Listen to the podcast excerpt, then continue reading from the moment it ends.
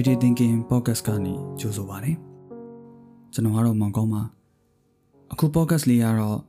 စာချောင်းပေချောင်း podcast series တွေကဒုတိယပိုင်းပဲဖြစ်ပါတယ်။ပထမပိုင်းမှာစာဖတ်ခြင်းရဲ့သဘောတဘာဝတွေနဲ့စာဖတ်သူတွေရဲ့အကြောင်းကိုကျွန်တော်ပြောပြခဲ့ပါတယ်။တကယ်လို့မိတ်ဆွေတို့အနေနဲ့ပထမပိုင်းကိုနားမထောင်ရသေးဘူးဆိုရင်တော့အရင်ဆုံးပထမပိုင်းကိုနားထောင်ပြီးမှဒီပိုင်းလေးကိုနားထောင်ပေးပါလို့အကြံပြုချင်ပါတယ်။ဒီပိုင်းမှာတော့ကျွန်တော်က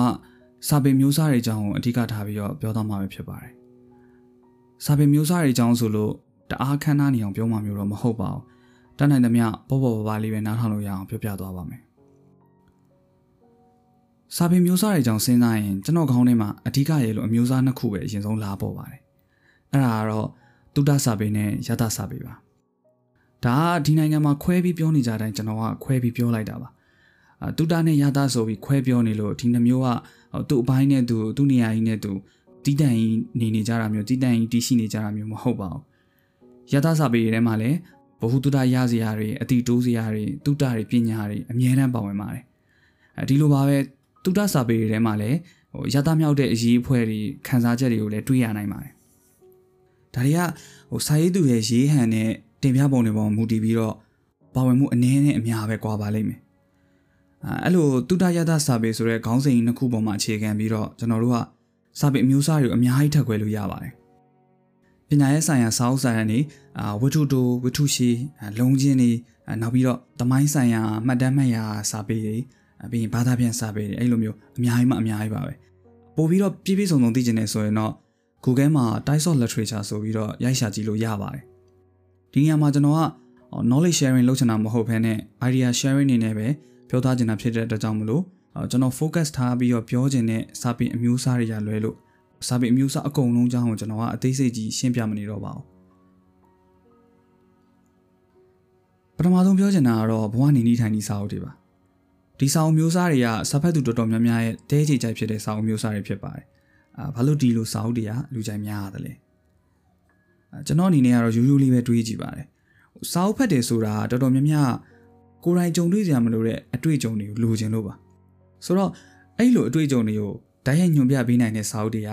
ဒီလိုမျိုးဘဝနေနေထိုင်နေစာအုပ်တွေပါပဲ။ပေါင်းသင်းဆက်ဆံရေးနီးလန်းများဟာတို့စီဝါရေးလုံနီအဖျားဖျားဟာတို့အဲပြီးတော့အောင်မြင်ခြင်းရဲ့တောချက်များဟာတို့လူချစ်လူခင်ပေါ်များနီးတို့ဒီလိုဒီလိုမျိုးတွေပေါ့။အရင်တော့ဒီလိုဘဝနေနေစာအုပ်တွေကတော်တော်လေးလူကြိုက်များပြီးတော့တော်တော်လေးရောင်းအောင်ကောင်းတဲ့စာအုပ်တွေပါ။အဲ့ဒီစာအုပ်တွေတော်တော်များများကလည်းပင်ကိုရေးရတဲ့စာလို့ရှိရင်နိုင်ငံခြားစာပေတွေကနေပြီးတော့ဘာသာပြန်တဲ့နာပြန် မြန်မာမှုပြုတဲ့နာပြုပြီးရေးကြတာတွေကများပါတယ်အခုနောက်ပိုင်းဒီလိုစာအုပ်တွေကအဝင်နေလာပြီလို့ကျွန်တော်ထင်ပါတယ်ဘာလို့ဆိုတော့ social media တွေပေါ်မှာဒီလိုပုံစံစာတွေကိုတူတူတုတ်တုတ်မြင်မြန်ဆန်ဆန်ဖတ်လို့ရနေနိုင်ပြီမို့လို့ပါ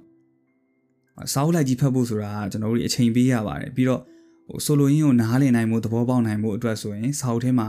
လို့ရှိရှိဝူးဝီးရှင်းပြနေရတာတွေပါတယ်ပြီးတော့စာအုပ်ဆိုလို့ရှိရင်ဝယ်ဖက်ရပါတယ်ဟိုအဲ့တော့ငွေကုန်တယ်ပေါ့ Facebook ပေါ်မှာကျတော့အချိန်လည်းအများကြီးပေးစရာမလို3-4မိနစ်လောက်ပဲဆိုလိုရင်းကလည်းဟို short to the point လေးနဲ့ထိထိမိမိလေးဆိုတော့အဲ့ဒီဟာစာတွေကိုပဲဖတ်ကြတာများလာတယ်ဒီနောက်ပိုင်းမှာလေအဲ့တော့ဟိုနေနီးထိုင်နီးစာပေအမျိုးအစားတွေကစောက်လိုက်ကန်ပြီးမဖတ်ကြရတာပဲရှိတယ်ဒါပေမဲ့ဖတ်နေကြတဲ့လူတွေကရော့မသွားဘူးပြီးတော့အဲ့လိုစာပေမျိုးတွေကလည်းတိမ်ကိုသွားမှမျိုးပျောက်ကွယ်သွားမှမျိုးမဟုတ်ဘူးအမြဲတမ်းရှိနေမှာနောက်ပြီးဒီလိုစာပေမျိုးစားတွေထဲမှာမှဟိုလူတွေစိတ်ဝင်စားဆုံးနဲ့အဖက်အများဆုံးကတော့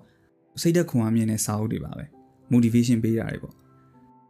တင်အောင်မြင်ဖို့ဆိုဘာကိုထလုပ်လိုက်ပါတော့တင်ရဲ့ comfort zone တွေကနေယုံထွက်လိုက်ပါတော့တင်ကိုယ်တိုင်စူးစမ်းရတော့မယ့်အချိန်ရောက်နေပါပြီလို့ဒီလိုစာအုပ်တွေကကျွန်တော်တို့ရဲ့ဘဝအစိပ်ပိုင်းတစ်ခုတော့ဖြစ်ခဲ့ကြမယ်လို့ကျွန်တော်ထင်ပါတယ်ကျွန်တော်ဆိုလို့ရှိရင်လည်းဆယ်တန်းအောင်ကစားအချိန်တွေတုန်းကဟိုကျွန်တော်အားလဲအားနေတဲ့ခါကျတော့ဒါမျိုးစာအုပ်တွေအများကြီးဖတ်ဖြစ်ခဲ့ပါတယ်အပုံမှန်လင်းဝင်ခံရမယ်ဆိုလို့ရှိရင်အဲ့ဒီတုန်းကကျွန်တော်ဆိုလို့ရှိရင်ဖိမင်းစာအုပ်တွေကိုအသေးဖတ်ခဲ့ရ အဲ့သူ့စာအုပ်တွေထဲမှာဆိုလို့ရှိရင်မဖတ်ဘူးတာမရှိသလောက်ကို series လိုက်အကုန်တိမ်ကြုံပြီးတော့ဖတ်ခဲ့ရတဲ့မှာပါတယ်တခြားဒီလိုမျိုး motivation နဲ့ဆိုင်တဲ့စာအုပ်တွေတော်တော်များများကိုလည်းအဲ့ကာလတွေမှာဖတ်ဖြစ်ခဲ့အတရက်ကျတော့ဘာဖြစ်လဲဆိုတော့အဲ့လို motivation နဲ့စာအုပ်တွေတွေကပဲစာပိုင်လေးတစ်ပိုက်ကိုဖတ်မိတယ်အစားတော့အတိအကျမမှတ်မိတော့ဆိုလိုရင်းကဘာလဲဆိုတော့အလုပ်ကြီးကြီးမားမားတွေကိုကောင်းကောင်းမွန်မွန်နဲ့အဆင်ပြေပြေပြီးမြောက်အောင်မြင်ခြင်းနဲ့ဆိုလို့ရှိရင်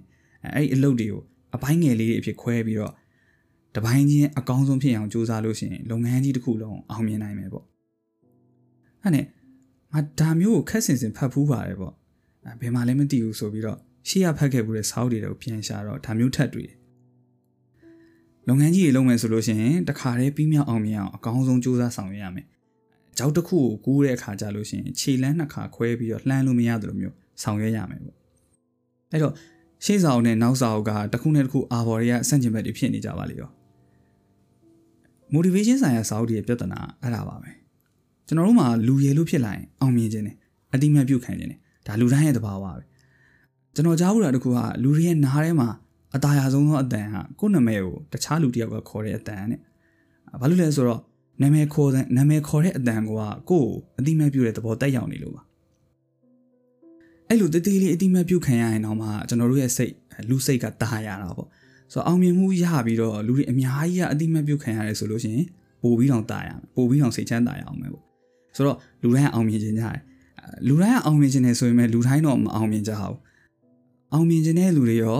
လုံနေပါလျက်နဲ့မအောင်မြင်ရတဲ့သူတွေအတွက်ကောအဲ့ဒီအောင်မြင်ခြင်းပြဿနာတွေအတွက်အနည်းဆုံးအားကိုးရလက်လန်းမိတဲ့အားကိုးရအဲ့ဒီမူဒီစာအုပ်တွေပဲဆိုတော့ဒီစာအုပ်တွေကတကယ်လက်တွေ့ဘဝမှာတကယ်ရောအဆင်ပြေနိုင်ရတာပေါ့ ကျွန်တော်ကိုယ်တိုင်ဖြတ်တန်းလာတဲ့အတွေ့အကြုံရပြောရမယ်ဆိုလို့ရှိရင်တော့ကျွန်တော်တို့ပြဿနာတွေရဲ့အဖြေကိုဒီလို motivation နဲ့စာမျိုးတွေကနေပြီးတော့မပြီးနိုင်ပါဘူးဒါပေမဲ့ပြဿနာတွေရဲ့အဖြေလို့ထင်ရတဲ့စာပိုက်တွေကိုတော့ပေးပါတယ်ကျွန်တော်တို့ကဒါတွေကအဖြေပဲလို့ထင်သွားတယ်ဘာလို့ဆိုတော့စာအုပ်ထဲမှာပါလာတာအဲ့တော့အဲ့ဒီတိုင်းလိုက်လုပ်တယ်အလုံးမဖြစ်ဘူးအလုပ်ကတော့ဘယ်ဖြစ်ပါမလဲဒါလက်တွေ့ကြတဲ့အဖြေမှမဟုတ်တော့ဒီတော့အဲ့မှာစာအုပ်ထဲအတိုင်းလုပ်တာပဲအဆင်မပြေဘူးဆိုပြီးတော့အာငါအတုံးမကြလေခြင်း ငါအဆင်မပြေလေးခြင်းဆိုပြီးတော့ကိုယ့်ကိုစိတ်ညစ်တာစိတ်ပြတ်တာနောင်ကြရင်ဖြစ်လာအာငါဒီလိုစိတ်ကြနေလို့မဖြစ်ပါဘူးဆိုပြီးတော့ဆရာတက်အောင်လို့ဆိုပြီးတော့အဲ့ဒီမိုဒီစာတွေကိုထပ်ဖတ်တယ်အဲ့မှာပဲတန်တရားတစ်ပတ်ပြန်ပြီးလဲပါလေရောတခုရှိတာဒီလိုစာအုပ်တိုင်းကမကောင်းလားဆိုတော့အဲ့လိုလည်းမဟုတ်ဘူးဒီကကျွန်တော်တို့နဲ့ဒီစာအုပ်တွေနဲ့ကရေခံမြေခံချင်းမတိုက်ဆိုင်တာတွေကများနေလို့ဒီစာပေအမျိုးအစားတွေကကိုယ်တိုင်ရေးတာတဲ့ဆိုင်ဟိုဘာသာပြန်နေဒါမှမဟုတ်လို့ရှိရင်မြန်မာမှုဖြစ်အောင်လို့ စုတုပြုတ်ထားတာတွေကများတယ်ဆိုပြီးတော့ကျွန်တော်ရှေ့ပိုင်းမှာပြောခဲ့ပါတယ်။မူရင်းရေးသားတဲ့သူတွေကသူတို့ရဲ့နေရာဒေတာသူတို့ရဲ့ရေခံမြေခံပေါ်မှာအခြေခံပြီးတော့ရေးခဲ့တာဖြစ်တဲ့အတွက်ကြောင့်မလို့အာလူမှုရေးစံနှုန်းတွေစီးပွားရေးအခြေခံတွေကွာဟတဲ့ကျွန်တော်တို့နိုင်ငံလိုနေရာမျိုးအတွက်ကြတော့အဆင်ပြေပြေဖြစ်နိုင်မှုမလွယ်ကူရခြင်းဖြစ်ပါတယ်။ဆိုတော့တော်တော်လေးရှည်ဘူးရကြပြီးတော့တော်တော်လေးအခြေခံကြတဲ့အကြောင်းတွေရေးထားလို့ရှိရင်တော့ကျွန်တော်တို့နဲ့ကိုက်ညီပြီးတော့အဆင်ပြေတာမျိုးတွေရှိပါတယ်။အာဥမာ အောင်မြင်ရေးအတွက်အချိန်ကိုအကျိုးရှိရှိအသုံးချနေတို့ကိုကိုတိုးတက်ဖို့ set planning လုပ်နေတို့ဒီလိုမျိုးအခြေခံအချက်လက်တွေမျိုးဆိုလို့ရှိရင်တော့အသုံးဝင်နိုင်ပါတယ်ညီတို့ပင်ဆိုစီကမူပေါ့လေဒီစာပေမျိုးစားတွေကဘယ်ခေတ်ဘယ်ကာလမှာနေနေလူတွေကအများကြီးကြိုက်ကြပြီးတော့ပြိတ္တအခိုင်မာလည်းရှိထားပြီးသားစာပေမျိုးစားတွေဖြစ်ပါတယ်နောက်ထပ်လူကြိုက်များအဖက်များတွေကတော့ရသစာပေတွေပါအာဝိထုတူတွေဝိထုရှည်တွေလုံချင်းတွေဒီလိုစာအုပ်မျိုးစားတွေပေါ့ ဒါကတော့ကျွန်တော်အများကြီးပြောစရာမလိုတော့ဘူးလို့ထင်ပါတယ်။စာဖတ်သူတိုင်းကိုကိုကြားရတဲ့စာရေးစရာကို favorite ဖြစ်ရတဲ့စာရေးစရာကိုပြောပါလို့မင်းပြန်ဖြေကြမဲ့စာရေးစရာတွေကအဲဒါမျိုးရတစာပေတွေရေးတဲ့စာရေးစရာတွေပဲများပါတယ်။ဒီစာပေမျိုးစားတွေထဲမှာဘဝတရုပ်ဖော်တွေပါမယ်ဖြစ်ရမှန်ဇလန်းတွေပါမယ်လိုဝက်ဆန်းကျဲတို့တတိရင်ဘိုတို့အဲ့လိုမျိုးတွေပေါ့အစားရှိရအများကြီးပါဝင်ပါမယ်။ဖွဲ့စည်းတိစောက်ပုံမှာမူတည်ပြီးတော့ကျွန်တော်တို့ကဝတ္ထုတူတွေဝတ္ထုရှည်တွေလုံးချင်းတွေဆိုပြီးတော့ခွဲပြီးပြောကြရဲဆိုပေမဲ့ ဒီစာမျိုးစားအကုန်လုံးနှိပါဇလန်းကြောရိုးနဲ့ဇက်ခေါင်စရိုက်တွေပေါ်မှာအခြေခံထားပြီးတော့ဟိုအဖွဲနဲ့ကောင်းကောင်းနဲ့ရေးကြတဲ့စာပေမျိုးစားတွေဖြစ်ပါတယ်ဒီစာပေမျိုးစားတွေထဲမှာကျွန်တော် focus လုပ်ပြီးပြောချင်တဲ့အပိုင်းနှစ်ခုရှိပါတယ်တခုကတော့အထုပ်ပတိစာပေတွေပါအထုပ်ပတိစာပေဆိုတာနောက်တစ်မျိုးပြောရလို့ရှိရင်ဘဝနေနီးထိုင်နီးနဲ့ဇက်ခေါင်စရိုက်ပေါ်မူတည်ပြီးရေးထားတဲ့ဖြစ်ရမှန်ရတစာပေတွေပါအထုပ်ပတိစာပေဆိုတာဟိုရေးသားသူရဲ့အမှုပညာပေါ်မှာမူတည်ပြီးတော့ အကောင်းဆုံးဘဝတည်ဖို့စာပေမျိုးလည်းဖြစ်နိုင်ပါတယ်ဆိုတော့ဒီအထုပ်ပတိစာပေတွေကနေပြီးတော့လက်တွေ့ဘဝနဲ့အနီးစပ်ဆုံးအတွေ့အကြုံတွေဘ ഹു တုဒ္ဒတွေရနိုင်တယ်လို့ကျွန်တော်ကတော့ထင်ပါတယ်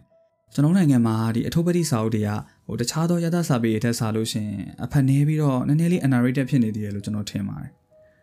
အဲနောက်ထပ် underrated ဖြစ်နေတဲ့ရသစာပေအမျိုးအစားကတော့ကြပြပါကြပြကို underrated ဖြစ်တယ်လို့ပြောရင်ကျွန်တော်မှအစဲခံရခြင်းရှိပါတယ် ကြပြားတွေကိုအားပေးရလို့ဒီလောက်အများကြီးရှိတာဆိုပြီးတော့လည်းအပြောခံရနိုင်ပါတယ်တကယ်ကကြပြားဖတ်တဲ့သူနဲ့ကြပြားရေးတဲ့သူတွေကအတိုင်းဝိုင်းတီးတန်လေးဖြစ်နေပါတယ်ကြပြားတခြားသောရသစာပေနဲ့ရှင်ဟိုကြက်ကြက်ပြက်ပြက်မဖြစ်သေးဘူးလူလူကြားမှာပြန့်နှံ့မှုလုံးတက်ရောက်မှုလုံးကနည်းနေသေးတယ်တတခြားရသစာပေလိုမျိုးကြပြာကိုလူစုံအတိုင်းဝိုင်းစုံကဖတ်တာမျိုးခန်းစားတာမျိုးကတော်တော်လေးကိုနည်းနေပါသေးတယ်ဒါကမြေပြင်ပေါ်ကလက်တွေ့အခြေအနေပါအာ Facebook လို social media မှာတော့ဒီလိုမျိုးမဟုတ်ပါဘူး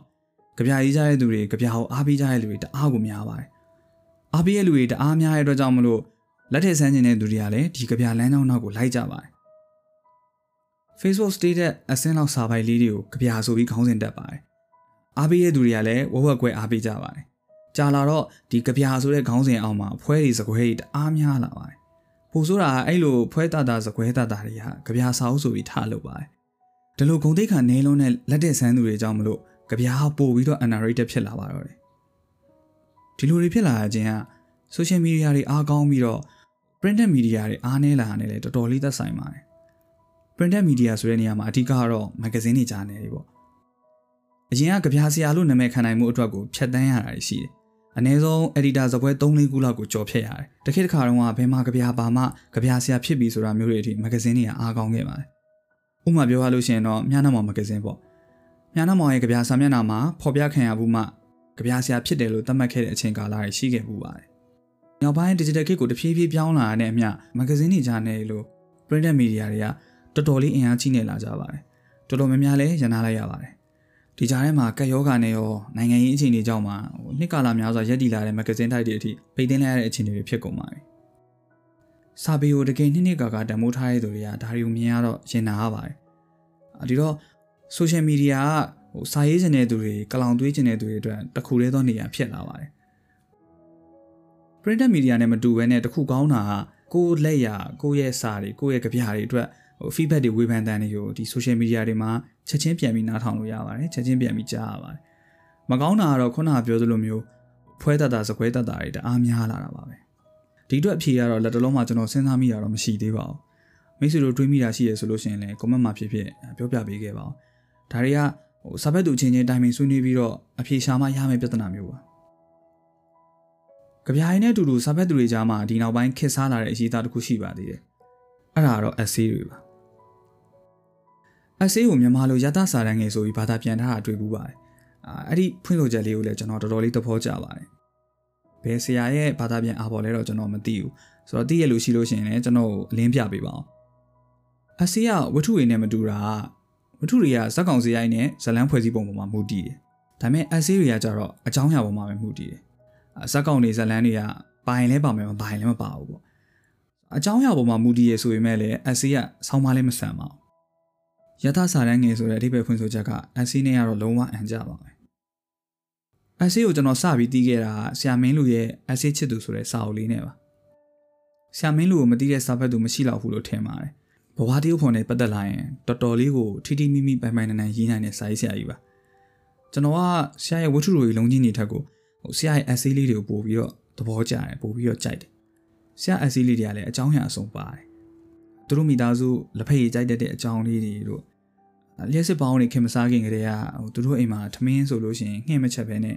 ရေကမ်းပဲချက်စားတယ်ဆိုတဲ့အကြောင်းလေးဆရာစာရေးဆိုတဲ့ပုံမှာရောက်ရောက်လာတတ်တဲ့ပင့်ကူလေးအကြောင်းအစအစီရေးထားရလေတကယ်ကိုသဘောကျစရာကောင်းပါတယ် ဇက်ကောင်စရိုက်တွေဇလန်းဖွဲ့စည်းပုံတွေမများလို့ဖတ်ရတာအချိန်လည်းအများကြီးမပေးရသလိုဖတ်ပြီးရင်လည်းတခုခုတော့ကြံခဲ့တတ်ပါတယ်ဒါကြောင့်မလို့နောက်ပိုင်းဆိုရှယ်မီဒီယာမှာလည်းအစီလေးတွေကိုပို့ပြီးအတွေ့အကြုံများလာပြီးတော့ပို့ပြီးဖတ်တဲ့သူလည်းများလာပါတယ်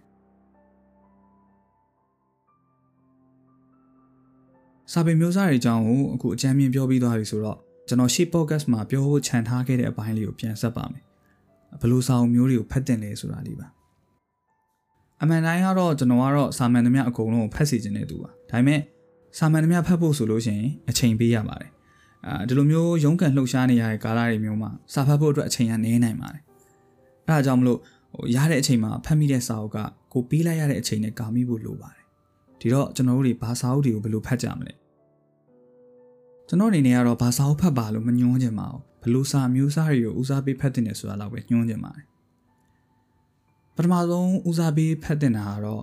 ကိုယ်နဲ့တည်းရဲ့ပတ်သက်တဲ့ပညာရေးဆိုင်ရာစာပေတွေပါဥပမာကိုကကွန်ပျူတာသမားဆိုလို့ရှိရင်ကွန်ပျူတာနဲ့ပတ်သက်တဲ့စာအုပ်တွေပေါ့ဒီဇိုင်းသမားဆိုလို့ရှိရင်လည်းဒီဇိုင်းနဲ့ပတ်သက်တဲ့စာအုပ်တွေပေါ့အဲ့လိုမျိုးကိုယ့်အလုပ်ကိုဓာတ်ရိုက်အကျိုးရှိမဲ့စာအုပ်မျိုးတွေကိုပထမဆုံးဦးစားပေးပြီးတော့ဖတ်တင်ပါတယ်ဒါမှလက်တွေ့ဘဝမှာပြန်ပြီးတော့အသုံးချလို့ရပြီးတော့အကျိုးရှိမှာပါနောက်ပြီးရင်တော့ရသစာပေတွေပေါ့ရသစာပေဆိုတဲ့နေရာမှာလည်း အထုပ်ပတ်တိတွေတို့ essay တွေတို့ဖတ်တာကိုကျွန်တော်ကပို့ပြီးတော့ဦးစားပေးစေချင်ပါတယ်။နောက်အချိန်ထက်ရသေးတယ်ဆိုမှဝတ္ထုတူတွေဝတ္ထုရှည်တွေလုံးချင်းတွေဒါတွေကိုအချိန်ပေးပြီးတော့ဖတ်တင်ပါတယ်။ရသစာပေဆိုတာတကယ်တော့စိတ်အာဟာရပါပဲ။အဲလိုသလိုချင့်ချိန်ပြီးတုံးဆွဲနိုင်တယ်ဆိုရင်တော့တော်တော်ကြီးကိုအကျိုးပေးကောင်းတဲ့စာပေမျိုးစားပါ။ motivation နဲ့ဆိုင်တဲ့စာအုပ်တွေကိုတော့ကျွန်တော်ကတည်ရည်စာရီလိုပဲသဘောထားစီချင်ပါတယ်။အာ မနက်စာရီနေ့လယ်စာရီညစာရီထမင်းသုံးတဲ့ဘလောက်ပဲဝအောင်စားစားဂျားထဲမှာကျွန်တော်တို့ snack time ဆိုတာလေးရှိနေတယ်လို့ပါပဲ motivation နဲ့ဆိုင်တဲ့စာပေတွေကို main dish အနေနဲ့သဘောမထားဘဲနဲ့ snack လောက်တည်ရည်စာလောက်ပဲသဘောထားပြီးတော့ဖတ်တင်တယ်လို့ကျွန်တော်ကတော့အကြံပြုချင်ပါတယ်နောက်ပြီးရင်ကိုကဘဝနေနေထိုင်နေနဲ့ပတ်သက်လို့ဖတ်ချင်သေးရဆိုရင်တော့ကိုကိုးခွေရဘာသာတရားနဲ့တက်ဆိုင်တဲ့စာအုပ်စာပေတွေကိုဖတ်ဖို့အတွက်တိုက်တွန်းချင်ပါတယ်ဘာသာရေးဆိုင်ရာစာအုပ်စာပေတွေဆိုတာအကောင်းဆုံးဘဝနေနေလမ်းညွှန်နေပါဘာလို့လဲဆိုတော့ ဘာသာရေးဆိုင်ရာစာအုပ်တွေဆိုတာသက်ဆိုင်ရာဘာသာရဲ့တရားဓမ္မတွေကိုအခြေခံထားတဲ့ဘဝနေနေထိုင်နေတွေဖြစ်နေလို့ပါတကယ်ကကျွန်တော်ကိုယ်တိုင်ကလည်းစာဖတ်သူတယောက်စာလေးလာသူတယောက်ပဲဖြစ်နေလို့ကျွန်တော်အမြင်တွေကျွန်တော်အတွေးတွေကပြည့်စုံနေရဆိုတာမျိုးဖြစ်မယ်မထင်ပါဘူးကျွန်တော်ကကျွန်တော်တွေးမိတာလေးတွေကိုပြန်လဲမျှဝေပေးရင်းနဲ့မိတ်ဆွေတို့စီကိုလည်းအတွေးမိပွားလေးတွေကူးပြီးတော့အလင်းပွင့်သွားစေလိုရင်းကအဓိကပါကျွန်တော်အတန်ကိုနားထောင်ရင်းနဲ့မိတ်ဆွေတို့အတွက်အကျိုးတစ်ခုခုထူးသွားတယ်ဆိုလို့ရှိရင်ကျွန်တော်အတွက်ကတော့အတိုင်းထက်လုံးပါပဲ ဒီတစ်ခေါက် podcast လေးကတော့ဒီလောက်ပါပဲအချိန်ပေးပြီးနားထောင်ပေးခဲ့ကြတဲ့အတွက်အားလုံးကိုကျေးဇူးတင်ပါတယ်နောက်ဆုံးအပိုင်းအနေနဲ့စာအုပ်ထုတ်ဝေရေးအကြောင်းနဲ့စာရေးသူတွေအကြောင်းပြောပြဖို့အတွက်ကျွန်တော်စီစဉ်ထားပါတယ်မကြခင်မှာမိတ်ဆွေတို့နဲ့ပြန်ဆုံပါမယ်အားလုံးပဲ have a good day ပါခင်ဗျာ